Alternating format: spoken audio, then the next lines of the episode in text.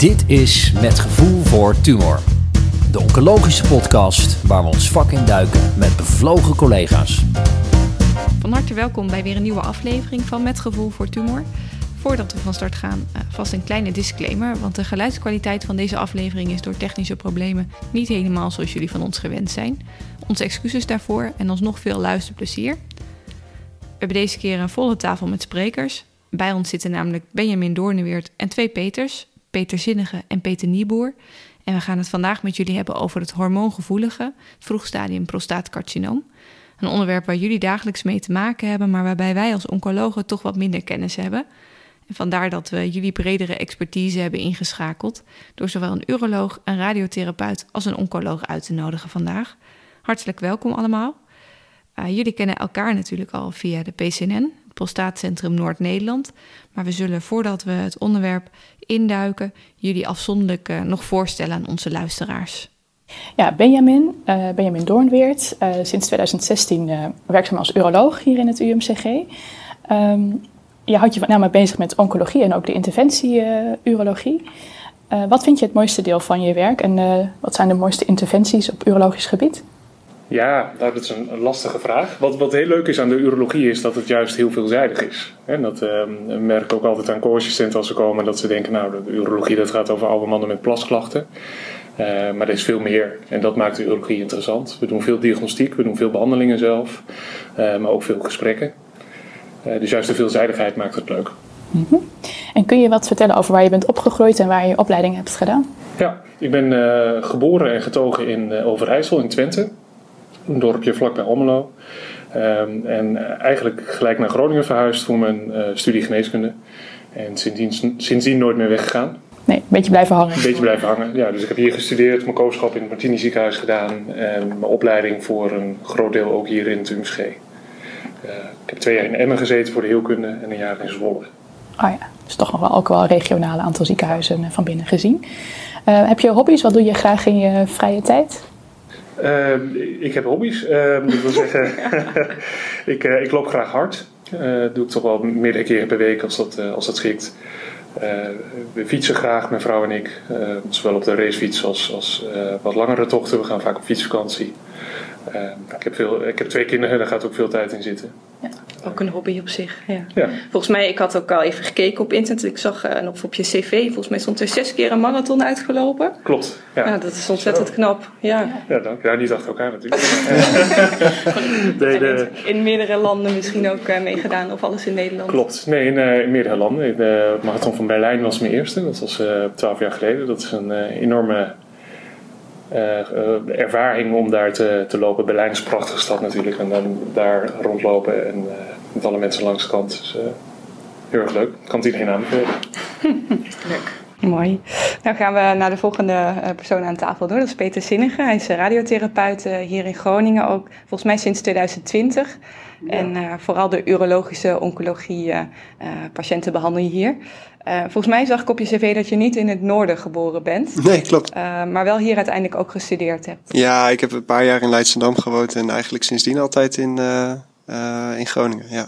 Gewoon ook, ook je opleiding gedaan. Studie, ja, ook blijven plakken inderdaad. Ja. Ja, en ja. nog met veel plezier hier aan de Ja, ik vind het, ja, ik vind het, een, ik vind het een geweldige stad en we wonen hier leuk. En uh, ja, het ziekenhuis natuurlijk, daar ben ik ook wel een beetje gehecht aan. Dus ja, ja, het is, uh, ik hoef niet weg, nee. Nee. En um, wat vind je als je kijkt naar je vak? Uh, jullie hebben natuurlijk veel betere secundaire arbeidsvoorwaarden dan, dan de meeste medisch specialisten. En wat, wat vind je zelf het leukste aan je vak? Ja, dat is wel grappig dat je dat zegt, want dat zijn typisch van die dingen dat als je studeert, dat, dat, dat je denkt dat dat niet uitmaakt. Hè? Dat je een dienst en zo is allemaal gaaf en cool. Maar ja, ik denk naarmate je nou ja, richting een, carrièrekeuze gaat, dan gaat dat wel degelijk meespelen. Dus ik wil niet zeggen dat we heel dag niks aan het doen zijn hoor. Maar dat, het is wel qua dienstbelasting en dat soort dingen. Ja, dat is denk ik wel. Dat is minder intensief dan bijvoorbeeld urologie of interne. Ja. Uh, en dat ja, ik kan me best voorstellen dat mensen dat ook uh, op den duur belangrijk gaan vinden. Ja, ik denk dat er verschillende ja, manieren zijn om je vak uitdagend te maken. En bedoel, ik, ik, ik definieer misschien wel honderd keer per jaar een prostaat als doelgebied. En dat, dat is niet zozeer de uitdaging, denk ik. Maar ja, je kunt bij ons, omdat wij alleen maar oncologie doen, heel ver gaan in, uh, in, in uh, richtlijnen, beleid, uh, data, trials. En dat, dat, daar, dat is voor mij een van de uitdagingen van, van de radiotherapie. Dat je daar, daar heel ver in kan gaan. En, en, en ook denk ik op, op die manier een, een van de manieren kan zijn waarop je van meerwaarde bent in een, in een, in een team, in een MDO. Ja. Denk ik echt. Ja, dat denk ik ook. En ik zag uh, dat je eigenlijk vooral ook onderzoek hebt gedaan naar meer hersentumoren en daar bestraling bij, maar toch uiteindelijk de uh, switch naar de urologische. Ja, dat was. Uh, ik, ik, ik, ik, dacht tijdens mijn studententijd altijd dat ik neuroloog wilde worden. Mijn vader is neuroloog in Leeuwarden, dus die moest wel even slikken toen ik, toen ik dit ging doen. moest hem ook even uitleggen wat het was. Maar uh, ja, uiteindelijk zag ik me het werk zelf niet zo doen. Inhoudelijk vind ik, vind ik neurologie en ook neuro-oncologie heel boeiend hoor. Met name ook door de imaging. Dat laat zichzelf allemaal prachtig afbeelden. Uh, maar goed, via een aantal omwegen inderdaad in de uro-oncologie en de palliatie en behandeling van metastase. Dat, is mijn andere hobby. En dat, uh, ja, dat hoeft voor mij niet anders. Ik, ik vind het heel goed zo. Ja, mooi. En we hebben jou ook even gegoogeld. En uh, ik zag dat er nog een Peter Zinnige is. Wist je dat? Dat nee. is een, uh, een, kunstenaar. Best mooie dingen ook maakt oh, Dus, uh, nou, alter ego. Ja, misschien ja. wel. Ja. Nou, dat zou een slechte alter ego zijn dan. zelfde naam. Ja, maar je hebt geen affiniteit met kunst in je, in je privé of in je, in je vrije tijd? Dat je, nee, nee, dat is niet een van mijn hobby's. Nee. En wat zijn je hobby's wel? Ik, uh, ja, ik heb, er komt in augustus een, uh, een tweede kleine aan. Dus dat, uh, dat, dat gaat, daar gaat meer veel tijd in zitten met klussen en de babykamer en zo. Klussen vind ik wel leuk. En met name het liefst in mijn vrije tijd, dan, ja, dan ben ik met eten en, en, en drinken, met name wijn bezig. Een nieuwe, net een nieuwe mooie Kamado barbecue in de tuin. En uh, ja, dat vind ik geweldig om daar mooie gerechten op te maken. Ja. Nou, genoeg mooie zomerse avonden nog om ja, daarmee bezig te gaan. Ja, Precies. En dan hebben we natuurlijk ook als laatste gast nog eh, Peter Nieboer uh, aan tafel zitten. Uh, voordat het helemaal een Groningse club wordt vandaag, hebben we jou uit Assen gevraagd om hier, hier aanwezig te zijn. Jij bent internist-oncoloog in Assen al sinds 2002 en ook met name aandachtsgebied prostaatkanker. We zagen dat jij je opleiding in Deventer en in het UMCG hebt gedaan. kom je hier ook vandaan? maar, ben je hier ook opgegroeid? Nee, ik ben ergens heel anders geboren, in Purmerend. Oh, dus ik ben eigenlijk een Westeling. Maar mijn, uh, ja, je hoort het ook. Nee, mijn ouders zijn al heel vroeg uh, verhuisd naar Zwolle. En uh, mijn moeder woont daar nog steeds. En daar heb ik mijn jeugd doorgebracht en de middelbare school gedaan. En daarna naar Groningen. voor de geneeskunde. En de, toen ben ik 18 jaar geworden in Deventer. Daar ook in opleiding gekomen. En het laatste stukje weer in, Deventer, of in Groningen gedaan. Mhm daar gepromoveerd. En uh, naar, nou, ik ben eigenlijk in Assen gepromoveerd, want ik was nog niet gepromoveerd toen ik wegging. Ja, en, en hoe ben je dan uh, in Assen terechtgekomen? Ja dat, is, dat, ja, dat zijn soms toevalligheden. Hè. Ik werd gebeld door een van de internist-oncologen die daar werkte in Assen. En die wist dat ik een half jaar later of zo klaar zou zijn. En die vroeg of ik een keer een dagje mee wilde lopen. Ja, en een perifere ziekenhuis is gewoon totaal anders dan een academisch ziekenhuis. En ik vond de sfeer erg leuk. En toen heb ik gedacht van nou, dat ga ik gewoon doen. Ja, En ook gebleven en, um, en nooit spijt van gehad. Ik werk uh, vier dagen in de week en daardoor heb ik ook een dag uh, tijd om andere dingen te doen. Ja, ja. Hey, en doe jij dan ook nog de scopieën? Ja. ja, ik ben een van, de, een van een uitstervend ras. Uh, de internist endoscopisten.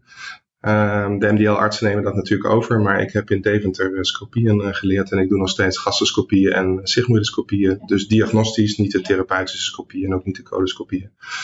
Maar dat is gewoon hartstikke leuk. We hebben in de interne geneeskunde natuurlijk relatief weinig um, handwerkzaamheden. En uh, ja, behalve de Christa's en zo, maar, maar voor de rest niet zoveel. Dus uh, dit is wel heel erg leuk om te doen. Leuk. Heb jij nog uh, hobby's of dingen die je graag doet in je vrije tijd? Ja, vrije tijd natuurlijk altijd lezen, hè? artikelen. New England en Lancet. Nee, uh, ik heb ook een gezin, drie uh, kinderen, variërend tussen de 12 en de 20 jaar.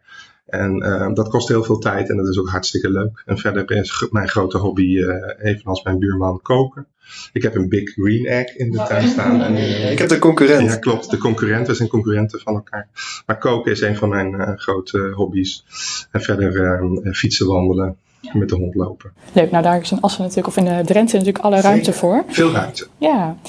Um, Ja, wat mij nog opviel, want uh, de meeste uh, mensen in de periferie, je doet echt nog heel veel onderzoek ook volgens mij daarna. Hè? Want ik zag wel een indrukwekkende lijst aan publicaties ook nog voorbij komen. Doe je dat s'avonds of op, op je vrije dag? Hoe doe je dat? Nou, dankjewel. Ja, het, is, het is inderdaad zo. Ik vind uh, wetenschappelijk onderzoek altijd erg leuk. toen ik kwam in Assen was, werd er eigenlijk niets aan wetenschappelijk onderzoek gedaan. ik heb daar ehm, mede met hulp van mijn collega's een, echt een researchcentrum opgericht. het is nou niet zo dat wij zelf onderzoek initiëren, maar we doen wel heel veel mee aan, ehm, aan uh, landelijke onderzoeken of regionale onderzoeken. En uh, ja, als je een goed researchcentrum hebt, dan is het makkelijk om daar mee te doen. Heb je veel patiënten geïncludeerd, dan word je al snel ook meegenomen in, de, in het artikel en uh, meeschrijven en meelezen. Dus dat vind ik, vind ik gewoon leuk om daarnaast te doen. Ja, zeker leuk. Ja, nou, wat jullie dus allemaal gemeen hebben is uh, dat jullie veel patiënten met prostaatcarcinoom zien. Dus daar wilden we het over gaan hebben uh, vandaag. Um, en ja, we wilden eigenlijk deze podcast um, ja, van A tot Z, het hele facet, uh, alle facetten langs laten komen. Dus eigenlijk beginnen um, kijken van nou, hoe vaak komt het nou voor. Dat voorwerk hebben we al even gedaan voor jullie. We zagen uh, op de IKNL-website dat het ongeveer 12.000 uh, nieuwe patiënten betreft met prostaatkanker per jaar. En dat daarmee ook de meest voorkomende kankersoort natuurlijk is in Nederland. En wat opvalt is dat... Um, 90% ouder is dan 60 jaar. Um, en dat bij 1 uh, op de 5 patiënten ook al sprake is van uh, ziekte. Um, yes, misschien kan een van jullie vertellen uh, welke mensen, of welke mannen in dit geval, lopen nou het meeste risico op het ontwikkelen van een prostaatcarcinoom. Ja, er zijn best wel wat dingen over bekend inmiddels. En dat is ook wel een ontwikkeling van de afgelopen jaren. Maar een belangrijk iets is denk ik de, uh, uh, de genmutaties, de BRCA1 en BRCA2 genmutaties. Uh, we weten dat uh, het risico om in het leven prostaatkanker te ontwikkelen voor die mannen met zo'n uh, pathogene variant is verhoogd. Precies percentage is, weet ik niet, maar ik dacht rond de 5 procent. Um, en daarnaast bestaat er ook nog zoiets als, als uh, hereditair prostaatcarcinoom. Mannen die uh, veel familieleden hebben die op jonge leeftijd prostaatkanker hebben gekregen. Van het hereditair prostaatcarcinoom is altijd gezegd dat er niet duidelijk een verschil in overleving is tussen die mannen en, en de mannen die sporadisch prostaatcarcinoom hebben. maar voor die BRCA-genmutanten waarschijnlijk wel. Uh, dus dat is een hele interessante ontwikkeling. Helemaal ook omdat het een, een, een behandeloptie geeft weer later in het traject hè, met, met uh, PARP-remmers. En er zijn wat ehm, andere risicofactoren. En als je daarna gaat zoeken, dan vind je enorme lijsten met dingen die een rol kunnen spelen. Hè. Roken, um, sommige dieetgewoontes. waarbij je dan soms ook nog wel weer ziet dat, dat, eh, sommige voedingsmiddelen kunnen beschermen, maar in hoge dosering ook alweer een verhoogd risico kunnen geven. Dus ik denk dat de uiteindelijke conclusie is dat, we dat, uh, dat, dat, je daar niet heel goed advies of zo over zou kunnen geven. Uh, je, je, ik heb al best wel veel meegemaakt, mensen die op het spreekuur komen en zeggen: Dokter, ik eet 4 kilo tomaten op een dag. En is goed voor mijn prostaat. Dat ik denk: Ja, je kunt het maar beter niet lezen. Dan, en maar, daar raak je dan ook niet in de war. Maar dat, daarvan is bijvoorbeeld wel uh, uh, wat, wat, voorzichtig bewijs dat het, de intake van lycopene, wat dan in bewerkte tomaten zit, dat dat zou kunnen beschermen. Het is de belangrijkste factor niet gewoon het aantal jaren dat je bent blootgesteld aan uh, testosteron. Ja, überhaupt de leeftijd denk ik. De leeftijd? Ja, ja nou zeker. Kijk, we weten natuurlijk, omdat het zo uh, veel voorkomt, dat ja, je zou bijna kunnen zeggen, als je maar oud genoeg wordt, dan word je uiteindelijk, of dan krijg je uiteindelijk een keer prostaatkanker. Ja. Uh, maar het is wel aardig dat uh, in, in, Aziatische landen komt prostaatkanker minder voor. Uh, maar als je dan bijvoorbeeld ziet mensen die uit, vanuit Japan naar Californië zijn geëmigreerd, dan zie je dat de incidentie van het prostaatcarcinoom die benadert uiteindelijk de, de incidentie van de andere Amerikanen. Uh, dus de, er spelen wel heel veel omgevingsfactoren ook een rol. Ja. ja, dus die zijn ook belangrijk. Die zijn, ja, zonder dat we nou precies kunnen aanwijzen waar dat dan aan ligt. Ja. Maar dieet zou een, een, rol kunnen zijn. Ja, wat misschien ook wel een rol speelt, en dat, dat maakt denk ik altijd incidentiecijfers naar prostaatkanker ook wel een beetje nou ja, interessant, is de manier waarop het ontdekt wordt. Hè? Ik bedoel, dat, ja, dat, daar heeft toch. Uh, ja, PSA-tests bij asymptomatische mannen is dan toch vaak de manier. Uh, en dat, dat zou ook maar zo anders kunnen zijn, stel ik me tenminste voor tussen landen. Misschien speelt ja. dat nog een rol. Een mooi bruggetje naar ons. Ja, precies, want uh, PSA is natuurlijk op zich best wel een een marker zeg maar, die je zou kunnen gebruiken voor het screenen van uh, prostaatkanker. Uh, Waarom doen we dat eigenlijk niet in Nederland? Dat we eigenlijk bij alle mannen uh, boven de 50 elk jaar een PSA prikken en dan mensen met een verhoogd PSA verwijzen naar de uroloog bijvoorbeeld? Ja, nou ja, dat is een hele actuele discussie. Ehm, en, en er zijn voorstanders en tegenstanders. Um, wat wel aardig is, is dat er zijn een aantal hele grote uh, screeningstudies gedaan. Um, een belangrijke is de ERSPC. waaruit uiteindelijk na uh, 11, 13, 16 jaar wel een overlevingswinst werd gezien voor de groep mannen die gescreend werd. er zijn ook andere screeningstudies geweest die dat, die dat niet aantoonden ik geloof dat de meta-analyse van vijf grote screeningstudies uiteindelijk ehm, aantoont dat dat niet een ehm, overlevingswinst geeft. Het uh, punt is dat toen in de Verenigde Staten uh, uiteindelijk om die reden geadviseerd werd om niet dat PSA te gebruiken, zag je het aantal gevorderde prostaattumoren relatief toenemen. dus ik denk dat het PSA wel degelijk kan helpen bij vroegopsporing en daarmee ook wel overlevingswinst zou kunnen geven. Um, waarbij het denk ik heel belangrijk is om dat op eh, individuele basis te doen. Um, en dat is denk ik het grote probleem van, uh, van uh, iedereen screenen. Uh, want we zien dat met name de mensen die niet gemetastaseerd zijn, dat er in de eerste tien jaar amper overlijdend zijn aan prostaatkanker. dus dat is eigenlijk de allereerste vraag die je jezelf zou moeten stellen als je iemand een PSA wilt bepalen. Heeft deze persoon nog wel tien jaar te gaan? Ja. en als dat antwoord nee is, moet je er denk ik niet aan beginnen. Nee. Ehm, maar dat blijft een, een, discussie waarbij er nog steeds heel veel voorstanders zijn om dat wel te gaan doen en ook wel uh, tegenstanders. Ja, precies. Dus zou je kunnen zeggen dan dat mensen dan eigenlijk langer leven met, het, met de wetenschap dat ze prostaatkanker hebben, maar dus uiteindelijk daar niet per se een uh, overlevingswinst uh, van is? Van die screen? Stel dat je dat zou gaan doen, zeg maar. Nou, dat is, dat is een van de. Wat, dat is wat tegenstanders zeggen. Hè. Je hebt heel veel overdiagnostiek. Mensen die je vindt die anders en niet aan overleden zouden zijn. Uh, maar je vindt ook wel degelijk, over, degelijk overlevingswinst. Ja. Hè. De prostaatkanker gerelateerde sterfte na um, 13 jaar in de ERSPC was volgens mij 21% uh, gereduceerd door screening. Okay. Um, dus dat heeft wel zin, maar dat gaat dan ten koste van heel veel uh, diagnoses van mensen die anders geen problemen gehad zouden hebben. En, en wellicht ook heel veel over therapie, hè? dus uh, behandelingen die uh, geen overlevingswinst geven. Um, en het, het, lastigste van al die statistieken is dat dat voor het individu natuurlijk moeilijk te vertalen is. Hè? Als iemand op je spreker komt en vraagt: gewoon moet ik nou mijn BSA laten bepalen? Dan kun je hem al deze cijfers wel voorschotelen. Uh, maar aan de andere kant weten we ook dat er uh, rond de 3000 mensen, mannen per jaar overlijden aan prostaatkanker in Nederland.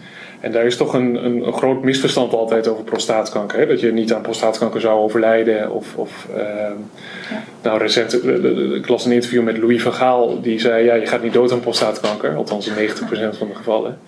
Ja, de, de, de andere kant is, er gaan ongeveer evenveel mannen elk jaar dood in Nederland aan prostaatkanker als, als vrouwen aan borstkanker. Ja. En, en er overlijden meer mannen aan prostaatkanker in Nederland dan aan darmkanker. Ja. dus dat, precies. Um, en dat maakt het ook zo complex. Want er zijn heel veel mannen die wellicht helemaal geen baat hebben bij een PSA. Maar er zijn ook best wel wat die uh, wellicht uh, wel vroeger zou vinden en daardoor beter kan behandelen. Ja, precies. Ja. En hoe, hoe, pik je die groep er dan uit waarbij het zinvol is om een PSA te prikken? Zijn er digitale tools voor en zo die, uh, die je zou kunnen gebruiken? Ja, ja dat, de, de, nou, dat, er was jaren geleden een advies. Ik mocht dat wel graag in presentaties gebruiken. Omdat ik, het is, het is het is bijna een beetje grappig, want het was, uh, je moet een goed geïnformeerde man uh, die baat zou kunnen hebben uh, bij een snelle diagnose, de vroegdiagnostiek, niet onthouden. Er oh, zitten zoveel armslagen in dat, ja. dat je eigenlijk niet meer weet wat je ermee moet. En dat begint al met die goed geïnformeerde man, hè, want wat, wie weet dat nou? Nou, er is een uh, jaren geleden, een van mijn collega's hier, die heeft er onderzoek naar gedaan. Ja, de meeste mannen die weten überhaupt niet waarom dat PSA is geprikt. Hè. Dat is uh, even dat, dat erbij zetten.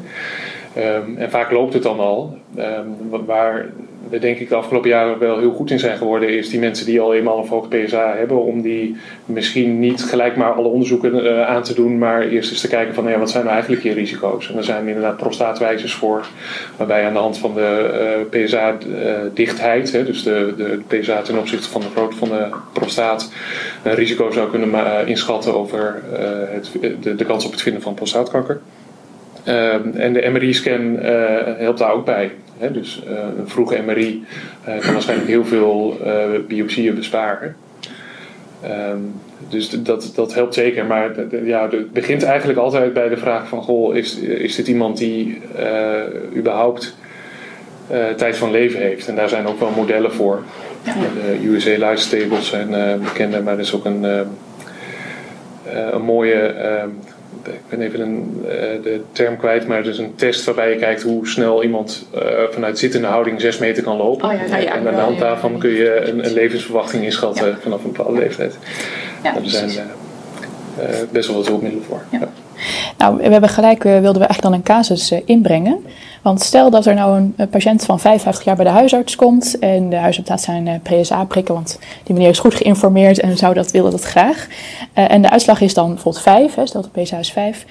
Uh, de huisarts verwijst dan de patiënt naar de uroloog. En wat gebeurt er dan allemaal eigenlijk? Je zei net al iets over MRI-scans, uh, MRI ja. van de prostaat die gemaakt wordt. Eerst een goed gesprek hebben we net gelezen. Eerst een goed gesprek, altijd belangrijk. Ja, en ik denk dat het goed is om, om altijd eens te beginnen met uh, opnieuw een PSA te bepalen.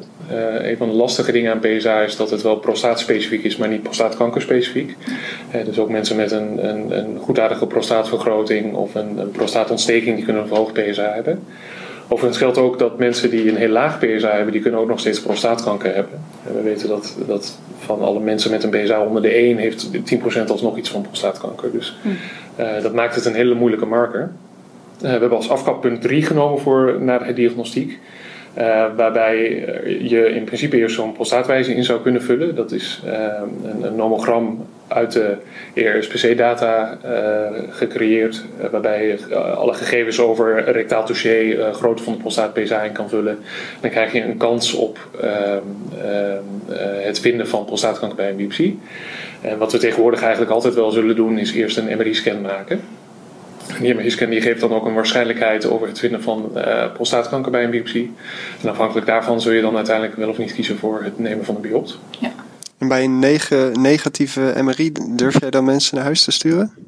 Ja, dat ben je is al zover? Ja, nou ja, er, er zijn inderdaad centra in Nederland waar ze uh, uh, dan ook geen verder vervolg doen. Ik moet zeggen dat ik zelf laagdrempelig wel ehm, uh, het PSA nog een keertje zelf controleert.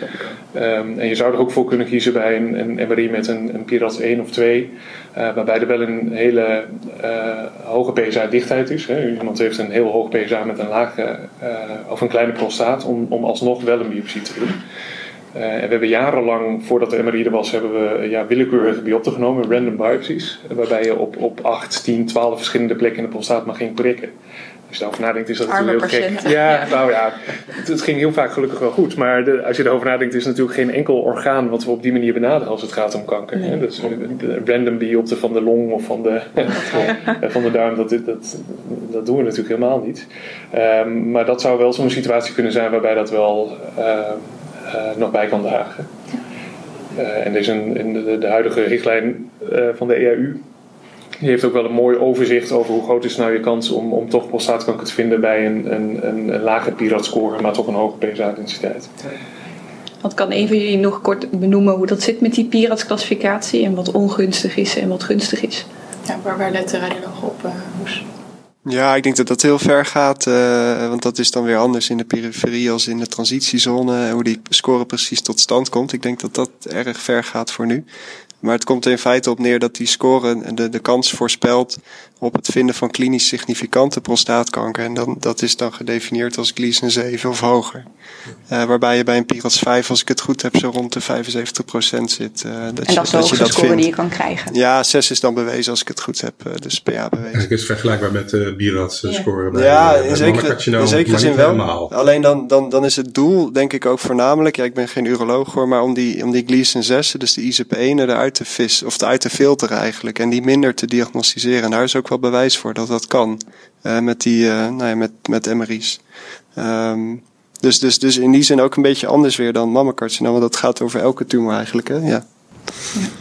Nou, de patiënt die krijgt dus, uh, heeft een afwijkende MRI-scan met een hoge PIRATS. En die krijgt dan dus doelgerichte biopten. En dan nou, daar gaat de patholoog mee aan de slag. En dan komt daar een uitslag uit. En afhankelijk van, uh, kijken u dan naar de Gleason score of waar kijken u dan naar uh, voordat je een behandeling uh, bespreekt met de patiënt? Ja, nou ja, we, beginnen met een, ehm, eh, een risicoprofiel. Eigenlijk, dat is aan de hand van de Gleason score, maar ook het initiële PSA, maar ook het, de bevindingen bij rectaal touché. de klinische TNM is nog steeds gebaseerd op het rectaal touché en niet op de, op de beeldvorming. Ehm, maar stel je voor dat dat iemand is met een niet palpabele tumor, uh, met een, uh, een Gleason soms score uh, 7, en dan maken we onderscheid tussen 4 plus 3 en 3 plus 4. Ehm, maar laten we zeggen 4 plus 3 en, en een nou ja, PSA van 5 zei je al. Dan, dan zou je op basis van dat profiel zeggen dat iemand een intermediair risico op heeft. En op basis van die Gleason score vinden we dan dat je eerst disseminatieonderzoek moet doen. Uh, en dat doen we dan in de regel tegenwoordig eigenlijk altijd met een PSMA PET-scan bij ons in, in, uh, in Groningen. Uh, daar zijn de boeken ook nog niet helemaal over gesloten, want ja, de, de, de, de, de primaire diagnostiek bij prostaatcarcinoom um, zou je in principe niet met de PET-scan hoeven doen, maar ja, het, het is een dergelijk mooi onderzoek wat we hier beschikbaar hebben. En het scheelt heel veel diagnostische lymfeklierdissecties. Dus over het algemeen zullen wij dan in, in zo'n geval wel eerst een, een PET-scan maken. En hoe gaat dat in Assen? Ik weet niet of jullie daar ook dezelfde strategie hebben. Ja, dat is ongeveer dezelfde strategie. En maar, wat Benjamin ook al zegt, je zou eigenlijk misschien wel niet, misschien moet je wel met een gewone CT en botscan bijvoorbeeld werken. Dat is wel een van de discussiepunten die we vaak hebben, want uh, ja, alle studies uh, waarvan we de resultaten nu uh, bekijken, ehm, die zijn gedaan met de oude diagnostiek, met de CT-scan en de botscan. En we zien dus heel regelmatig iemand uh, nou, met een gemetastaseerd prostaatcarcinoom aangeboden worden met een uh, PSMA-scan. Ja, dan moet ik bepalen van, goh, wat hadden we nou gezien met een CT-scan en een botscan? Dat is best, uh, dat is best moeilijk. Dat is een groot discussiepunt. Vooral bij de laagvolume ziektes ja, ja, precies. Dan gaan we een stukje verder naar de laagvolume versus hoogvolume en zo. Maar dat is, dat is best moeilijk om te doen. Maar het is, het is onomkeerbaar, want het zijn gewoon fantastische scans natuurlijk. En uh, alleen uh, je moet elke keer beseffen dat, uh, dat, dat er heel veel meer gezien wordt op een PSMA-scan dan op een CT-scan en een scan. Dat is ook een groot probleem als het gaat om onderzoek doen bij prostaatkanker. Want de meeste verschillen zul je pas na, na tien jaar gaan meten hè, in overleving. Dus het moment dat jouw onderzoek heeft aangetoond dat het beter is om een bepaald uh, middel in te zetten, dan uh, is het soms ook alweer achterhaald. Ja, en hetzelfde geldt uh, voor, voor, je, voor je vergelijkende behandeling bijvoorbeeld, die we ja. nu zeggen van wat belachelijk dat ze dat toen zo, zo deden. Ja, dat is tien jaar terug. Ja. Dus dat is het moeilijke met dit soort ziektes. Ja. Dan gaan we nog even weer terugstellen dat het toch gunstig uitpakt voor deze patiënt. Hele kleine tumor, lage Gleason-score en komt dus op een, uh, op een laag risico uit. Moeten die patiënten behandeld worden of worden die vervolgd of weer terug naar huis gestuurd? Hoe gaat dat? Ja, nou ja, dat, dat is denk ik de eerste vraag. Hè. Is er een, een, een indicatie voor actieve behandeling? Um, prostaatkanker is een ziekte die zich uh, in sommige gevallen heel goed leent voor ja, active surveillance. waarbij je mensen periodiek controleert. Met het idee dat als je dan progressie ziet, dat je alsnog een, een curatieve behandeling kan doen. Um, en dat weten we ook uh, uit, uh, van de PRIAS-studie uit Rotterdam. Dat, dat, dat, je nou ja, wellicht ongeveer de helft van de mensen uiteindelijk in die active surveillance kan houden. Dus die curatieve behandeling met de bijwerkingen besparen kan. Um, dus als iemand geschikt is voor active surveillance, dan is dat eigenlijk altijd de eerste keus. Uh, en dan heb je het over de mensen die een, een, een laaggradig prostaatcarcinoom hebben, uh, Gleason 6 of ten hoogste beperkt Gleason 7, de I plus 4, dus ISOP 1 en 2 is dat. Um, waarbij de andere factoren die we daar eerder in meetelden, namelijk de hoogte van het PSA en het aantal biopten wat positief is, um, iets minder belangrijk zijn geworden. Um, en als dat niet het geval is, als iemand daar buiten valt omdat die klinische score toch iets hoger is of het PSA wat te hoog is, uh, dan, dan gaan we eigenlijk al vrij snel door in het bespreken van de mogelijke curatieve behandelingen. En wat zijn dan de, wat zijn dan de mogelijkheden die je met de patiënt bespreekt? Ja, de, de, nou, er zijn drie uh, belangrijke uh, behandelingen die we regelmatig doen. Dat zijn de, de radicale prostatectomie, dus de operatie, de uitwendige bestraling en de brachytherapie. Uh, waarbij de brachytherapie de meeste voorwaarden kent. Dat kan eigenlijk alleen bij mensen die niet een al te grote prostaat hebben, die geen plasklachten daarnaast hebben.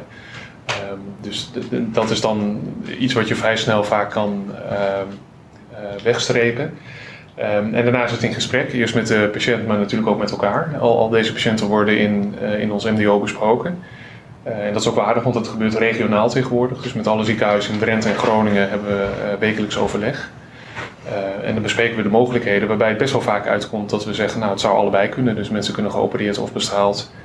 Um, en we gaan uh, zo goed mogelijk voorlichten uh, wat de voor- en de nadelen van de verschillende behandelingen zijn. En dan hopelijk gezamenlijk tot een besluit te komen. Ja. En Peter, wat leg jij de patiënten uit in de spreekkamer over de opties? Ja, die, die, die, die brachytherapie als, als monotherapie, dus dat, dat, dat, dat ging slash gaat met, uh, met jodiumzaadjes. Hè. Dus die implanteer je één keer en die geven over een periode van nou, weken tot maanden hun dosis af. Ja, die, die, dat verliest echt aan terrein. Je ziet dat centra daarmee stoppen. Dat heeft deels met volumenormen te maken en deels ook met de concurrentie. Je, je zat altijd een beetje in dezelfde vijver te vissen, ook als de prostatectomieën. Um, dat, daarbij werd de, de patiëntengroep al kleiner, omdat voor low en nu zelfs beperkt intermediate risk al ja, heel snel de voorkeur active surveillance is. Dus die patiëntengroep is ook kleiner geworden. Dat heeft er denk ik allemaal mee te maken. En de, en de, en de uitwendige technieken, die, ja, die worden ook steeds, steeds korter, die behandelingen. Dat was vroeger, was dat ja, of brachytherapie of acht weken bestralen. Ja, dan, dan, dan was dat echt een argument voor patiënten om daarvoor te kiezen. Maar ja, nu kan het soms al in anderhalve week. Dus je, ja, dat verliest echt aan, aan terrein. Uh, en, en ja, wat betreft de uitwendige bestralingsopties, dat, wat je met name moet benadrukken, denk ik, bij patiënten die geschikt zijn voor beide behandelingen, is dat, dat het anders is. Niet zozeer beter of slechter, maar de, ja, de toxiciteiten zijn anders. Uh, en dat is, dat, is, dat is iets wat ik probeer te bes, bespreken. Wat ik dan lastig vind is, bij een vijftiger heb ik er weinig moeite mee om die richting een, een prostatectomie te praten. Um, zeker of tenminste, daar gaat echt, denk ik, het, het, het toch wel verhoogde risico op secundaire tumoren bij radiotherapie in het algemeen. Er zijn bijvoorbeeld wel vergelijkende studies van mensen die een prostatectomie hebben gehad of radiotherapie hebben gehad, ja, waarbij je dan toch wat extra tumoren vindt. Kun je natuurlijk altijd van afvragen hoe komt dat dan? Worden die dan anders in de gaten gehouden, et cetera? Maar het is, dat is een issue bij radiotherapie in het algemeen. Dus bij vijftigers denk ik dat je dat moet benoemen. Bij zestigers doe ik dat ook.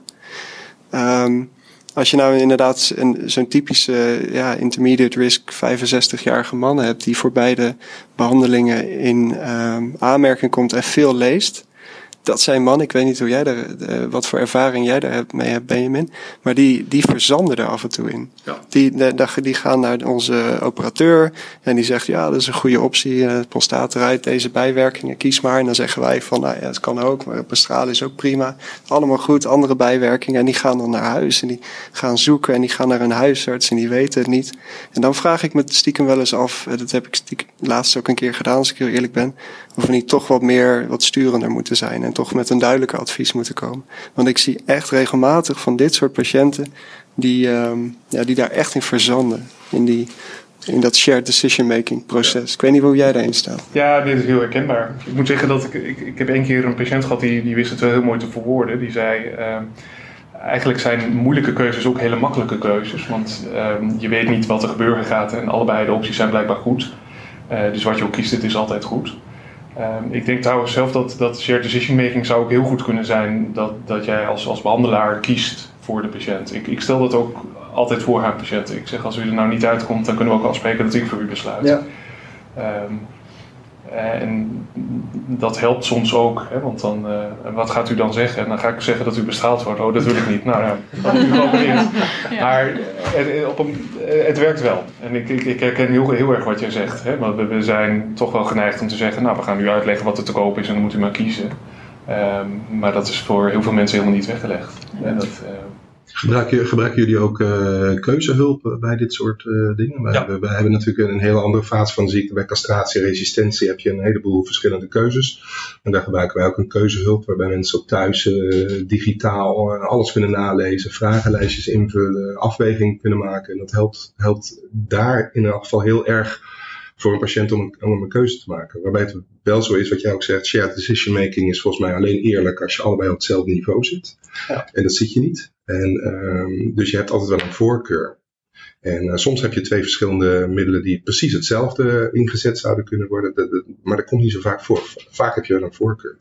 Ik zou het ook een vervelend idee vinden dat een, een, patiënt zichzelf verantwoordelijk voelt voor zijn eigen keuze. Dat zou ik een heel vervelend idee vinden. Stel je nou voor dat je uiteindelijk die patiënt zelf kiest voor bestraling en hij krijgt een, een, een ernstige rectumtoxiciteit.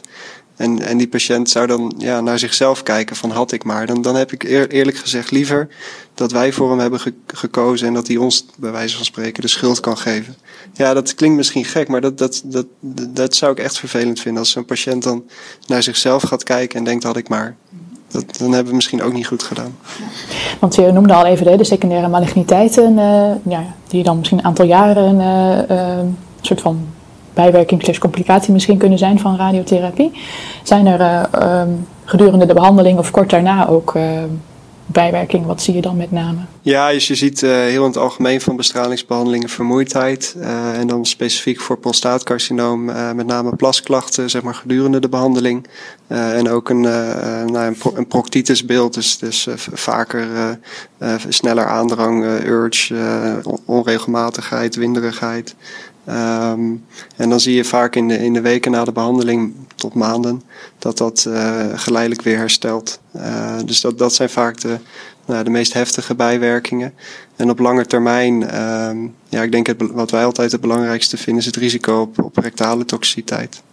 Uh, risico op, op ander ontlastingspatroon, diarree, bloedverlies, dat soort dingen. En bij de operatie, wat bespreken jullie dan? Wat, wat komt dan het meest voor als bijwerking of complicatie? De, de belangrijkste complicaties zijn urineincontinentie. En dan met name bij drukverhoging en uh, erectiele dysfunctie. Uh, waarbij het wel zo is dat de, ja, de, chirurgische technieken door de afgelopen jaren ook alweer ontwikkeld zijn. Door het zoveel mogelijk sparen van de, van de plasbuis en ook de zenuwen en de, ja, het, het anatomisch gebied voor de prostaat. Lijken die continentiecijfers wel echt een heel stuk beter te worden de afgelopen jaren die uh, erectiecijfers die, die zijn toch wel slecht. Want zelfs bij een, een beide zenuwsparende behandeling zie je toch in, in de kwart van de gevallen flinke erectiestoornissen na de mhm. operatie. Um, en, en, dat zijn denk ik de belangrijkste afwegingen. Hè? Dus aan de ene kant de, de, de, de rectumtoxiciteit bij bestraling en de ja, wat meer urgency-achtige plasklachten ja, ten, ten, opzichte van de incontinentie en de erectiele dysfunctie. Ja, dat zie, dat zie je natuurlijk naar radiotherapie ook wel, maar dat, ja, dat lijkt dan toch een beetje meer op um, nou ja, de, de erectiestoornissen die je bijvoorbeeld ook bij slechte microvasculatuur of veroudering ziet. Dus dat, is, dat gaat vaak geleidelijker. Ja. Dat is wel aardig, want als je zo'n vergelijkende studie neemt waarbij ze dan bestraling met uh, operatie met afwachten hebben vergeleken, dan zie je ook in die groep die afwacht wel degelijk erectiele dysfunctie. Ja. Ja. En ook incontinentie en andere plasklachten. Ja, ja, precies. Er zit ook een soort natuurlijk beloop nog bij. En is bij de intermediaire prostaatcarcinoom, eh, kies je dan ook nog voor hormonale therapie aanvullend of hoe kies je daarin? Ja, dat is uh, bij radiotherapie een heel, heel uh, actueel, of tenminste een, een heel issue. Want je, je vroeg uh, eerder aan Benjamin van waar kijk je allemaal naar bij een patiënt met prostaatkanker. En dat, dat, ja, dat vind ik een van de dat, dat, dat vind ik eigenlijk de reden dat, dat prostaatkanker zo'n interessante ziekte is. Want het houdt niet op. Uh, biopt, biopt volume. Gleason 7 is al verschil tussen 3 plus 4 en 4 plus 3 geworden.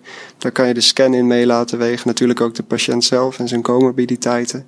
En, en elke trial die je leest over prostaatkanker, daar kun je dus wel wat over, over zeggen. Ja, maar deze patiënt zat daar niet in, of juist wel. Um, Waarom zeg ik dat? Bij met name denk ik uh, intermediair risico prostaatcarcinoom, daar, zit, daar hebben we steeds meer een onderscheid weten te maken tussen een, een, een laag risicogroep die zich heel erg gedraagt als de laag risicogroep en een, meer een groep die zich gedraagt als de hoog risicogroep in termen van recidive bijvoorbeeld. En daar zit een, daar zit een groep intermediair, risicopatiënten uh, die denk ik ook een voordeel hebben bij uh, gelijktijdige hormoonbehandeling bij radiotherapie. Maar wat heel lastig is, is om die te definiëren. En je ziet ook dat centra daar heel anders mee omgaan. Uh, ja. Het wordt daardoor ook heel onoverzichtelijk. Hè? Je, ja. je, je hebt tegenwoordig inderdaad uh, laag risico, maar je hebt dus intermediair laag, je hebt intermediair hoog. En dan heb je hoog risico, zeer hoog risico en, en lokaal gevorderd. Ja. dus zo'n soort van eenvoudig schema waarbij je drie groepjes definieert, dat zijn inmiddels nee. een stuk of zes. Ja, en zelfs die zes groepjes, daar kun je dus nog weer uh, naar, naar allerlei andere factoren die daar nog niet in zitten, als de MRI en de cripiforme groei. Nou, het houdt maar niet op. En ja, ik, ik, ik vind dat wel leuk. Ik snap ook dat mensen er tureluurs van worden. Ja. En om het moeilijk te maken, bij gemetastaseerde prostaatcarcinoom gaan we ook uh, hoog, risico, hoog risico en laag risico benoemen. Hè? Dat is ook altijd uh, verwarrend. Ja. Maar wat zijn dan voor jullie overwegingen om bijvoorbeeld bij zo'n intermediate risico patiënt wel of niet uh, ehm, ADT eh, te geven? Ja, dus uh, momenteel doen wij dat hier in onze regio relatief weinig als je het vergelijkt met bijvoorbeeld de Randstad. En, en ja, ik denk dat, dat we meer naar elkaar toe moeten. Dat, dat wordt ook landelijk wel geprobeerd. Um, maar je zou dus bijvoorbeeld naar de ISIP-score moeten kijken. Dus is dat 2 of 3? Dus is dat een Gleason 4 plus 3? Dan is dat echt duidelijk ongunstiger. Uh, het biopvolume kan je daarin mee laten spelen. Dat is ook een, een, een, uh, een risicofactor. Ja, en je zou bijvoorbeeld ook de patiënt zelf kunnen laten meewegen in de zin dat patiënten met, met serieuze cardiale comorbiditeit, ja, die, die lijken soms toch ook een wat, wat hoger risico op extra complicaties weer door die ADT te kunnen krijgen. En uh, er zijn ook zelfs studies waarin een beetje een oversterfte wordt gesuggereerd. Dus daar moet je dan ook wel, nou, dat moet je dan allemaal mee laten wegen, denk ik, als je in dat schemergebied zit te denken ja, dan kun je dus uh, oneindig veel factoren betrekken in je besluitvorming. Ja. Maar de uitgangssituatie is op zich wel dat die ADT een overlevings winst geeft ten opzichte van bestraling alleen? Nou, je zou moeten geven. Dus je moet, uh, je moet, je moet dus eigenlijk de patiënten zien te selecteren waarbij je de, je combinatiebehandeling een overlevingswinst geeft. Want elke intermediate risk patiënt die je ADT geeft, die zal een voordeel laten zien in PSA-vrije overleving. Maar de vraag is dus of dat, hè, of dat voldoende onderbouwing is. Ja. Dus de truc is om inderdaad die patiënten te selecteren die er een overlevingswinst bij hebben. En dat is bij de intermediate risk groep vanwege dus dat oerwoud aan studies met allerlei verschillende inclusiecriteria, en met name ook uh, verschillende soorten patiënten in één studie, maakt het heel lastig. Ja. ja. Precies. Hey, en dan nog, om het nog misschien nog extra ingewikkeld te maken, want geef je dan bij die ADT ook nog bijvoorbeeld de anti-androgenen? De, uh, is dat, geeft dat ook nog meer waarde of doen jullie dat eigenlijk niet meer? Nou, ja, dat, dat, dat is wel een interessante ontwikkeling van die ADT op zichzelf. Uh, want dat is ooit eens begonnen met een, chirurgische castratie in de jaren 40. Uh, en dat doen we trouwens nog steeds af en toe wel bij gemetastaseerde uh, patiënten. En door de jaren heen zijn er allemaal ehm, verschillende behandelingen gekomen die je zou kunnen gebruiken als ADT, waar anti-androgenen er een van is en, en LHRH-analogen of antagonisten ook. waarbij er ook wel studies zijn waarbij die anti-androgenen ehm, gebruikt zijn als ADT, als adjuvante ADT. Uh, terwijl we toch wel denken dat dat iets minder effectief is dan bijvoorbeeld een LHRH-analoog. Uh, eh, of een, een, een, chirurgische castratie, al zou je dat adjuvant natuurlijk niet doen. Um, uh, dus dat, dat, maakt ook nog, dat speelt daar ook nog weer een, rol in. voordat we de, de, de tweede lijns hormonale behandelingen hadden, dus de abiraterone en de enzalutamide, hadden we altijd bij de gemetastaseerde prostaatkanker nog de stap dat we naast het, de LHR-agonist nog een anti-androgeen gaven als uh, uh, uh, maximale androgeenblokkade noemen we dat. Maar dat is eigenlijk verlaten. Oh. Okay. En dan ging je het weer stoppen om te kijken of iemand toch, ja. toch weer even reageerde. Dat, dat doen we niet meer. En ge geven jullie het tijdelijk bij start van een analoog als een soort flare-preventie? Ja, dat, dat was voorheen altijd wel het advies. Um, dat advies is wel deels verlaten. Dat bij mensen die geen uitgebreide ossale mensenzering hebben, zou je er vanaf kunnen zien. Uh, ik moet zeggen dat ik in die gevallen ook best wel vaak voor een LHR-antagonist geef, uh, kies. Dan uh, hoef je het überhaupt niet te geven. Nee. Jij? Of, of, start je eigenlijk nooit nee, zelf? Nee, dat is een. Kijk, ik ben al lang blij dat ik hier aan tafel zit. Hè, want tweede, in, voor 2004 zagen wij nooit een prostaatcarcinoompatiënt. En toen met de docetaxel uh, bij de castratieresistentie uh, kwamen wij voor het eerst uh, in zicht. En wij zitten steeds vroeger in de behandeling. Maar ja, dat, die fase van de behandeling deed de radiotherapeut en uroloog met name. Dus daar bemoeien wij ons voorlopig nog even niet mee. Maar misschien gaat het ook nog veranderen, want er komen ook weer allerlei studies met adjuvant behandeling met een nieuw hormoon. Dus we zullen het zien. Ja, dat is echt waanzinnig interessant. Hè? Als je kijkt tussen de, nou ja, de eerste studies over castratie bij prostaatkanker is begin jaren 40. Dan heeft het tot 2004 geduurd voordat er iets, iets bij kwam. Hè. Tot die tijd was het 60 jaar lang ADT wat we hadden. Uh, en sindsdien hebben we nu dus uh, de eerste docetaxel, maar daarna de amiratron, de enzalutamide, de cabazitaxel, de, uh, de olapahib, de radium, de lutetium komt er nu aan. En dat, dat wordt steeds meer. Hè. Dus ja. maakt het ook steeds ingewikkelder om de juiste keuzes te maken natuurlijk. En, op het moment dat we eenmaal een beetje begrijpen welke volgorde we aan moeten houden, dan, dan gaan we het anders inzetten en dan komt die vraag opnieuw. Maar het is waanzinnig interessant om te zien wat in de afgelopen 18 jaar gebeurd is. Ja, zeker. Ja. Het, uh... ja. Nou ja, dan, dan uh, hebben we denk ik nu gehoord, ook genoeg gehoord over het intermediate risk prostaatcarcinoom. Want onze patiënt blijkt toch een hoog risico prostaatcarcinoom te hebben. Um, en volgens mij kan je dan ook inderdaad neoadjuvant ADT kiezen. Wordt dat wel eens gegeven of, of is dat... Nou, we zijn zelf gewoon om die, die, uh, of die ADT te starten eigenlijk op het moment dat die bestraling ook gestart wordt, dus uh, concomitant. Um, er zijn dus wat onvoldoende bewijs dat, dat het neoadjuvant of zelfs adjuvant echt beter zou zijn. Ik, ik, geloof dat er wel wat studies zijn die laten zien dat het juist adjuvant geven van die ADT beter zou kunnen zijn. Maar ja, dat klopt. om daar een advies op te geven. Ja, alleen je zou je dan inderdaad kunnen afvragen of dat niet in die studies zelf zit uh, ja. qua design. Maar inderdaad, dat, nee, daar is denk ik moeilijk om echt een goed advies over te geven. En dat is dan volgens mij ook de, de heersende conclusie. Ja. Die oorspronkelijke adjuvante ADT-trials die zijn allemaal eh, heel erg oud. Hè? Dat is nog in het tijdperk voor de MRI. Ja, maar er zijn er ook weer een heleboel bijgekomen. Dat, dat, dat klopt, ja, zeker. En dat is zeker eh, wel bewijs voor dat die adjuvante ADT dat dat zin heeft hè, bij uh, bestraling. Maar ehm, hoe je dat dan precies zou moeten inzetten, daar, daar is nog wel wat meer over te zeggen. Daar is heel veel over te zeggen, ja, zeker. en stel nou dat onze patiënt kiest voor een radicale prostatectomie. Is er dan ook uh, reden voor adjuvante radiotherapie of wordt dat eigenlijk nooit gedaan? Ja, dat is een, um, ja, ik zou bijna zeggen een, een, een, smaakverschil. We zijn hier in, in, in het noorden toch wel wat conservatief daarmee. Dat we zeggen, als we van tevoren al de inschatting maken dat de kans dat, dat iemand niet radicaal geopereerd wordt, uh, dan kiezen we überhaupt niet voor een operatie. Uh, bijvoorbeeld mensen met ingroei in de, in de zaadblazen, de, T3B, uh, daarvan hebben wij altijd gezegd, die moet je niet opereren, want die hebben een, een hele grote kans om niet ziektevrij te zijn na de prostatectomie. Er zijn ook centra, en ik, ik, denk eigenlijk bijna alle andere centra in Nederland, die ervoor kiezen om daar een, een soort van multimodale behandeling van te maken. Waarbij je een operatie doet en er eigenlijk al van uitgaat dat je daarna adjuvante of vroege salvage radiotherapie moet gaan geven. Uh, waarbij iemand dus ook blootstelt aan de bijwerkingen van die beide behandelingen.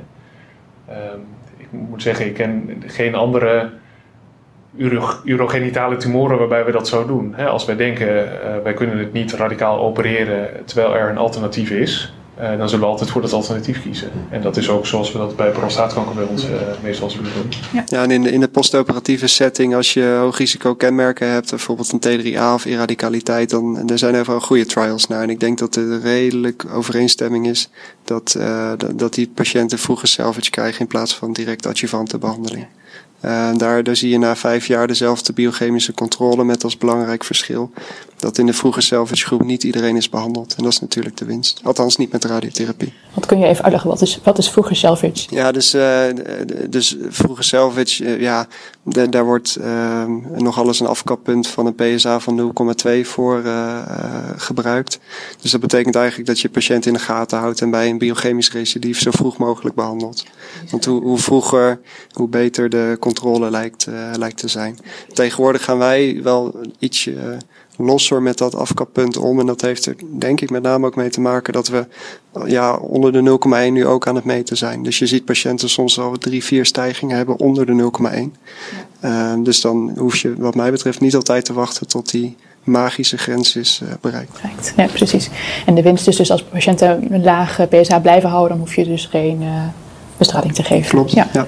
En er zit ook wel een, een, een, risico in, want bij dat soort lage PSA vind je vaak niets met beeldvorming. Ehm, waarbij je dus eigenlijk op basis van je uh, PSA-gegevens en, en ook wel misschien de PA uh, dan ervan uitgaat dat het een lokaal recidief of residu is wat je dan bestraalt. Uh, terwijl daar natuurlijk ook wel een groepje mannen in zit die al occult gemetastaseerd is. Ja. ja. Ja, dat maakt, uh, ik, dat, is, dat is een hele interessante patiëntengroep inderdaad. En daar, daar, daar moet je denk ik ook echt proberen de tijd voor te nemen om dat patiënten uit te leggen, want dat is best complex. Want uh, je blijft inderdaad met die onzekerheid steken, dat je niet zeker weet waar het recidief zit. We, hebben tegenwoordig, we doen, wij doen, dat is denk ik ook niet gebruikelijk, maar wij doen mede vanwege onze klinische trials bij iedereen met een biochemisch recidief een PSMA PET. En heel af en toe vind je wel eens een kliertje, maar dat is echt de minderheid inderdaad. Um, en, eh, maar dan, dan worden het hele interessante gesprekken waarbij je inderdaad gaat proberen ook het, ja, het, het hele profiel van zo'n patiënt te betrekken. Om een soort succeskans voor jezelf in te schatten en dat, dat naar patiënt toe te vertalen. En, en er zijn inderdaad patiënten bij wie uh, ja, die heel veel ongunstige kenmerken hebben of een snel stijgend PSA, dan noem het allemaal maar op, waar je ja, ruim onder de 50% zit bijvoorbeeld. En dat is, dat is dan echt iets om te bespreken of, of mensen dat wel willen. Ja. En stel de patiënt die heeft ook zelf eh, radiotherapie ondergaan. Wie doet de follow-up? De radiotherapeut of de uroloog of samen? Wij doen het samen, ja. En dan komen ze om en om bij jullie uh, voor controle. En wat doen jullie allemaal tijdens zo'n controle? PSA bepalen? Ja, en, en uh, horen hoe het is. Dus met name proberen je de toxiciteit in kaart te brengen. En, uh, dus dat kan, wat mij betreft, ook vaak telefonisch. Ja. ja. Okay. ja het is inderdaad initieel alleen PSA-bepaling en uh, beeldvorming op indicatie, dus bij een stijgende PSA. Ja. En is er, is er in de niet gemetastaseerde hormoongevoelige setting ook een rol voor de oncoloog? Bijvoorbeeld een hele jonge fitte patiënt die uh, neoadjuvant chemotherapie krijgt. Nee, wordt dat wel eens niet. gedaan? Tot nu toe niet. Nee. Uh, de rol die ik nog kan uh, verzinnen is uh, misschien wel bij de osteoporose prophylaxe, want dat, dat behoeft toch wel enige aandacht, denk ik. En ik merk dat daar toch uh, weinig aan gedaan wordt. En uh, ja, een, een, man die ADT krijgt, die uh, met elke gift ADT krijgt die ongeveer een risico erbij om facturen te krijgen. Dus ja, daar zit wel een rol voor de internist in om daar een aandacht voor te vragen en voor te hebben. En bij problemen daarvoor te verwijzen. Maar tot nu toe is het niet um, een standaardbehandeling om neoadjuvant chemotherapie te geven. Of adjuvant chemotherapie. Er zijn wel studies naar gedaan. Studies lopen, maar tot nu toe is daar geen rol voor eh, de internist. Ik, ik, zie, dat wel, ik zie dat wel gebeuren. Um, in, de, in de zin dat inderdaad de, de trials ja, daar, daarin is denk ik het probleem onder andere geweest dat daar ook patiënten met een relatief gunstig risico uh, in hebben gezeten. Dus, dus tot nu toe is dat, zijn die overwegend negatief. Dus nu net wel heel recent een uh, Stampede-arm gepubliceerd met een overlevingsvoordeel voor ab abiraterol bij N0 of N1 patiënten. En die echt een hele hoge risicogroep hebben geïncludeerd. Maar ja, ook daar is weer, uh, kun je eindeloos over uh, doorzagen van ja, voor wie is dan dat voordeel geweest? Is, is, zijn die bestralingen allemaal goed geweest? En deel is namelijk helemaal niet bestraald. Dus daar kun je ook inderdaad weer uh, ja, dus eindeloos... misschien wel op een later tijdstip alsnog te behalen. Want, uh...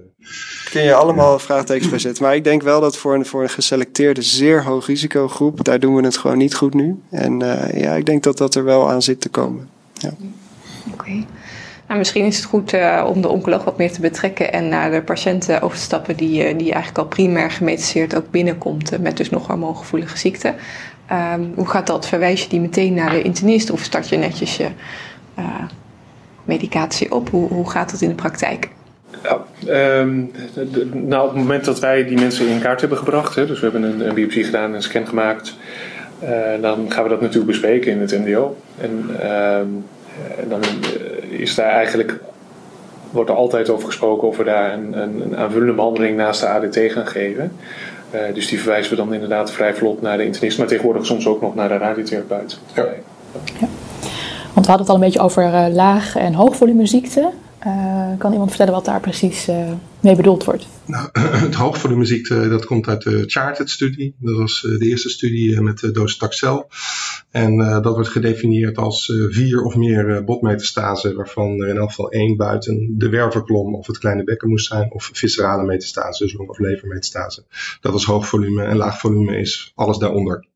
dat is natuurlijk ook een beetje een gekunstelde indeling. Want iemand met uh, drie botmetastase en uh, stampvol met lymfogene metastase, die is laag risico. En uh, ja, je moet je verstand er ook een beetje bij gebruiken. Maar in de Charted-studie um, was duidelijk met die docetaxel dat de winst met name zat in het hoogvolume ziekte. En sindsdien hebben ze ook natuurlijk in al die andere studies ook gekeken. Ze zien we daar ook verschillen tussen die hoog volume en laag volume. En dat is heel wisselend aanwezig. Oké, dus in de praktijk is dat niet zo zwart-wit altijd. Uh... Ja, het is niet zo zwart-wit, maar we gaan natuurlijk altijd kijken, voldoet iemand aan de criteria van hoog volume of laag volume? Heb je hoog volume ziekte, dan heb je uh, andere keuzes in je systeemtherapie dan bij de laag volume ziekte. Inderdaad, de patiënten worden besproken in het MDO en dan verwezen voor systeemtherapie. Wat net al even over van, um, voeg je dan iets toe? Ja, vrijwel altijd. Ik denk dat de enige reden is om alleen ADT te geven bij primair gemetastaseerd uh, hormoongevoelig prostaatcarcinoom als iemand een dusdanige prognose heeft door comorbiditeit, dat het gewoon ontzettend onzinnig is om, om er iets aan toe te voegen. Maar dat komt niet zo heel vaak voor. Meestal heb je toch wel uh, winst te behalen van, de, van de toevoeging aan ADT van of chemotherapie of een van de hormonale therapieën. En wat is die winst globaal? Ongeveer een jaar? Of... Ja, ja, dat klopt. Dat is best wel lang. Want we doen bij heel veel maligniteiten doen we het voor veel, veel en ja. veel minder. Ja. En wat is de rol van de radiotherapie? Dat is met name bij de laagvolume. Ja, dat is, uh, dat is dan weer iets anders gedefinieerd om het, uh, om het interessant te houden. Uh, dat wil zeggen dat, dat de belangrijkste data die we hebben, die komt ook uit een, een andere stampede-arm. Die alle patiënten met primair gemetastaseerd prostaatcarcinoom, dat was de grootste groep, randomiseerde tussen wel of geen lokale radiotherapie, dus prostaat alleen. En um, die studie was negatief, maar daar hadden ze van tevoren rekening mee gehouden en een vooraf gepowerde analyse op de low volume groep. En die was nog gedefinieerd als volgens de charted criteria inderdaad. En daar zag je een overlevingsvoordeel van, ik vergeet het altijd, 7 of 8 procent op drie jaar. Hangt ook een beetje vanaf welke nou ja, analyse bekijken. En later hebben ze daar nog weer eh, nader naar gekeken en toen zijn ze gewoon gaan tellen. En uh, daar, dan, dan lijkt er een soort afkappunt uh, bij drie metastase te zijn. Dus dat is het, dat is het afkappunt dat wij aanhouden. Uh, Niet van tevoren drie. gedefinieerd, hè? Dat is altijd een beetje Nee, daar heb je, daar heb je een goed punt. Ja. Ja. ja. Maar dus inderdaad maximaal drie botmetastases ook nog aan. bestraling van de prostaat overwegen. En, en wederom op, op skeletscintigrafie. Dus dat maakt inderdaad dan ook de discussie weer... het, het voordeel in ons geval denk ik is dat je met een, met een PSMA-scan de ziekte hoogstens overschat. Um, dus dat betekent dat het voordeel, als je inderdaad drie botmetastase op de PSMA PET houdt als afkappunt, ja, waarschijnlijk alleen maar groter zal zijn. Ja. Uh, en dan zit, je in, dan zit je op, tenminste dat was in die nadere analyse, op 10% op drie jaar verschil. En dat, is, dat vind ik inderdaad ook best wel veel uh, in een prostaatkankerpopulatie. Ja. Dus ja, ongelooflijk, hè? ik ben nog helemaal niet zo heel lang uroloog, maar ik weet nog wel uit mijn begintijd, dan had je het, was het eigenlijk heel eenvoudig. Mensen waren gemetastaseerd en kregen ze hormonen en ze waren niet gemetastaseerd en dan werden ze geopereerd of bestraald. Ja. En tegenwoordig loopt dat al helemaal door elkaar heen. Ja. dus mensen die wel gemetastaseerd zijn worden bestraald, mensen die niet gemetastaseerd zijn krijgen hormonen. Het, ja. Ja, ik vind dat heel leuk dat inderdaad dat we nu dat we alle drie als specialisten zitten we hier natuurlijk ook, maar de rol, uh, de rol is ook veel groter geworden, met tenminste van de internet ja, en de radiotherapeut. Want, ja. Uh, want uh, ja, voor mij is het totaal veranderd. Van 2004 deed ik niks. Toen kwam de castratieresistentie, de bijna de laatste jaren de hormonale gevoelige. Um, maar uh, elk jaar is het weer anders. Ja. Want er komen natuurlijk elke keer weer, uh, weer uh, nieuwe studies bij. Hè? Nu de, de studies waarbij, um, waarbij bij het primair gemetastaseerde zowel chemotherapie als een nieuw hormoon wordt gegeven. Hè? Ja. Dus, dus dat is, dat is um, elke keer is weer een ontwikkeling en elke keer wordt het moeilijker maar ook leuker. En kan je kort noemen bij de, dus de laagvolume patiënten welke opties je dan hebt als oncoloog om toe te voegen? Nou, ik ga altijd eerst even kijken van is het inderdaad laag volume, uh, zou het laag volume zijn geweest op de CT en de botscan?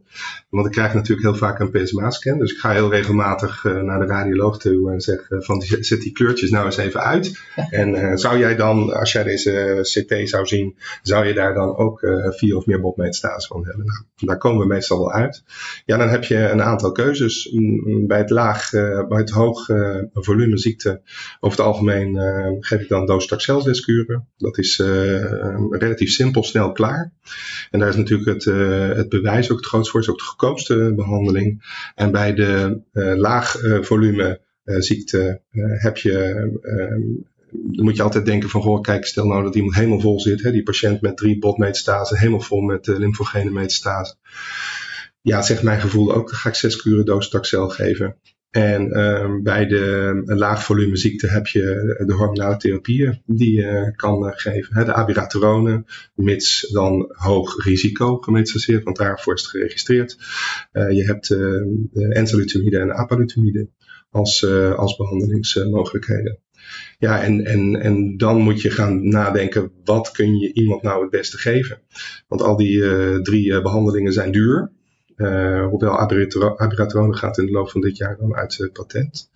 Uh, ze hebben allemaal hun, hun specifieke bijwerkingen of verschil in bijwerkingen. Wat ook heel wat, wat, ik merk dat ook wel een probleem is, de interacties. Zijn, dit zijn natuurlijk allemaal oude mannen. Die hebben allemaal andere medicamenten en comorbiditeiten. En uh, ja, er zijn een aantal interacties waar je gewoon een probleem eh, mee hebt. Bijvoorbeeld antistolling. Uh, maar ook hè, de abiraterone moet je een prednison geven. Dus een diabetes geef je dat liever niet. Er zijn een aantal middelen die je niet kan voorschrijven bij hartfalen. Dus ja, en zo moet je met zo'n patiënt samen beslissen wat het beste is. En, uh, en een uh, voorkeur van patiënt speelt ook een belangrijke rol. En hoe lang ga je dan door in de hormoongevoelige setting? Want dat ja. is voor mij altijd de twijfel of het nou twee jaar is of tot progressie. Nee, ja, dat is, dat, dat is in principe tot progressie. En, uh, en dat is ook weer een probleem, want in, bijvoorbeeld in, in veel studies werd progressie niet als PSA-progressie ehm, gedefinieerd, maar als radiologische progressie. Ja, dat, dat, dat, hè, dat gaat altijd later komen. En uh, als je goed kijkt naar de studies, is het wel zo dat mensen maanden tot wel een jaar door werden behandeld, terwijl PSA alleen maar de hoofd in ging. Dat stuit mij zeer tegen de borst, moet ik je eerst zeggen. Dus uh, als ik het doe, dan is het tot PSA-progressie. Want controleer je deze patiënten uh, ook standaard met scans of alleen met PSA? Uh, in principe alleen met PSA en bij klachtenscans. Ja. Ja. En als het PSA oploopt, doe je Gast. ook al direct de ja, scan? Ja, ja. ja, dan gaan we scans uh, doen. Maar dan is het ook, kijk, als het PSA één keer oploopt, hè, want je hebt van die mensen waarbij PSA alleen maar een beetje zo heen en weer wiebert.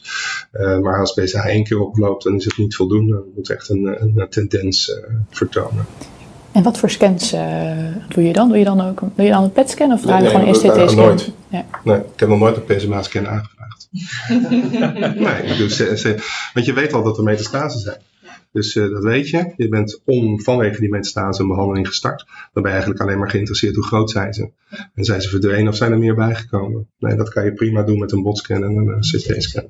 Ja, wat als de patiënt nou met één metastase bij zijn prostaatcarcinoom komt? Wat, ja, uh, wat doen we dan? Ja, kijk, formeel uh, uh, niet anders dan bij elke andere primair gemetastaseerde low volume patiënt. Um, ja, er is de, de oligometastasebehandeling, dus de, zeg maar de, de, de beperkt gemetastaseerde patiënt, dat is hot in radiotherapieland in ieder geval. Ik denk in de oncologie algemeen ook wel. Um, daar is voor de in een metachrone setting, dus de secundair gemetastaseerde patiënten, is, is daar wat voor te zeggen. Dan heb je wat fase 2 studies. En dat doen wij ook veel hoor. Ook, ook mede door onze klinische studie hier. Um, in, de, in, de, in de synchrone setting heb je daar gewoon geen onderbouwing voor. Dus dat wordt gedaan. Alleen of je daar mensen een rol mee doet, dat is, ja, dat is echt onbekend. Dus wij doen dat uh, zeer zelden.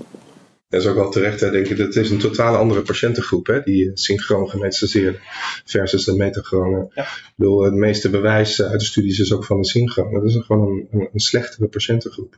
En uh, waarvan je verwacht dat uh, die metastasen uh, die je ziet, dat is het topje van de ijsberg. En daarnaast zijn er vast overal micrometastasen. En maar, maar bij die metachroon gemetastaseerde met een paar metastasen, ja, dat, dat, daar, daar jeuken je handen om die ook maar even... Ik vind het altijd wel een grappig punt, want natuurlijk is het zo dat die primair gemetastaseerde groep het, het slechter doet dan hetzelfde ziektevolume in metachrone setting. Um, dat wil zeggen qua prognose. Maar je zou je kunnen afvragen of dan een patiënt die van zichzelf een lange prognose heeft, automatisch ook de meest geschikte is voor zo'n metastase gericht uh, therapie-approach. Um, ja, is, is dat wel echt zo? Ik weet dat niet. Dat is wel hoe we proberen patiënten te selecteren. Maar wat we dan automatisch doen, is ook de patiënten selecteren die biologisch van zichzelf, of tenminste deels biologisch van zichzelf, al, al goed doen. Hè? Um, je ziet bijvoorbeeld, om een voorbeeld te noemen, dat, uh, dat er zijn uh, twee fase 2 studies bij longkanker notabene, waarvan eentje nu op langere termijn ook een overlevingsvoordeel laat zien voor die in synchrone setting, voor die metastasegerichte therapie approach. Kun je van alles van vinden, maar het, suggereert een beetje dat ja, misschien ook bij mensen met slechtere prognoses je af en toe toch wel een verschil kan maken. Uh, met zo'n met zo'n strategie. Terwijl die mensen die het biologisch van zichzelf al goed doen, ja, wat voor verschil maak je daar dan? Zou je, zou je kunnen afvragen. Ja, Puur filosofisch hoor. Een fase 3 studie daarvoor opzetten, dat is best moeilijk. ja, die lopen gelukkig wel. Voor, mannencarcinoom uh, ja. loopt je ook. Maar, uh, ja, die lopen wel, maar uh, dat, ja, dat, blijft, dat blijft toch ook een beetje een samenraapsel van histologieën, dus we dwalen af. dus dat, is, dat, dat, dat, maakt het ook weer lastig om, je, om echt de patiënt te selecteren inderdaad. Ja. Maar het is een interessant onderwerp. We hebben nu uh, al bijna een uur uh, volgepraat. En volgens mij hebben we de meeste aspecten van het hormoongevoelige prostaatcarcinoom, uh, de, de reguliere zorg in elk geval besproken. Wat denken jullie wat er nu aankomt de komende jaren? we hoorden al inderdaad de combinatietherapie. Ja, de, de combinatietherapie, hè, de, de PEACE-1-studie met toevoeging van abiraterone en de ARASENS-studie met de toevoeging van darolutamide. Uh, ja, die, die, die studies lopen, maar aan de andere kant, uh, wat er ook aan zit te komen, is misschien wel korter behandelen. Hè? Duos uh, verband uh, gaat er ook een studie lopen met apalutamide, misschien wel met enzalutamide, van korter behandelen. Dus een jaar en dan stoppen. Of dat niet vergeleken met alleen maar doorbehandelen tot progressie niet hetzelfde winst oplevert. Ja, en, ehm, ehm, allerlei eh, eh, dingen gaan, ehm, gaan komen. Hè. Kijken naar uh, goede biomarkers die uitmaken van wie, wie moet nou toch chemo, wie moet nou toch hormonen en wie moet welke hormoon hebben. Dus er gaan een heleboel nieuwe dingen weer komen. Meer gepersonaliseerd. ja. ja. ja. En in die Peace One zitten ook, uh, ja, de vraag is of je niet op de nu te weinig patiënten overhoudt, maar daar zitten ook een groep low volume patiënten die zowel met docetaxel als met radiotherapie zijn behandeld, of niet, gerandomiseerd. Dus het zou kunnen dat we daar een beetje iets leren over die vraag van wat, wat doet radiotherapie plus systemisch bij low volume ziekte, want tot nu toe weten we dat eigenlijk niet goed, hoe die, hoe die twee zich tot elkaar verhouden. Dus dat zou denk ik uh, leuk zijn als we daar iets meer over, uh, over weten. Ja, en ik denk qua radiotherapie uh, is, is de intensivering van de behandeling bij very high risk, dat, dat zou nog wel eens wat kunnen zijn. Uh, ja, en echt puur radiotherapeutisch bijvoorbeeld kijken naar de dosis, dosisescalatie, al dan niet focaal op je tumor. Dat, daar, daar zit denk ik ook wat toekomst in. Ja.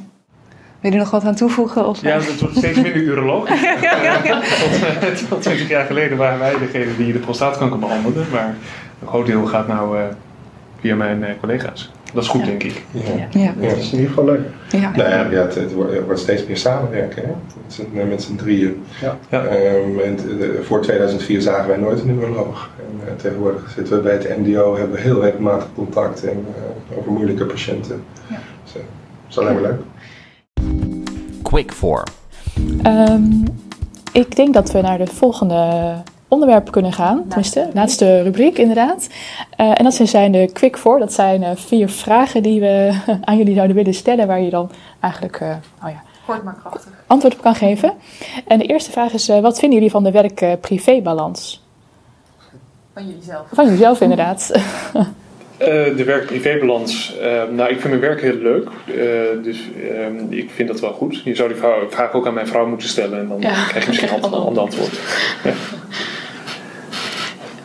Ja, ja ik, ik, ik, ik, ik denk dat voor de radiotherapie in het algemeen dat, dat goed is. Ik, ik heb de, persoonlijk de mazzel dat ik vijf tot tien minuten van het ziekenhuis al woon. Dus ik, ik denk dat dat best wel goed gaat.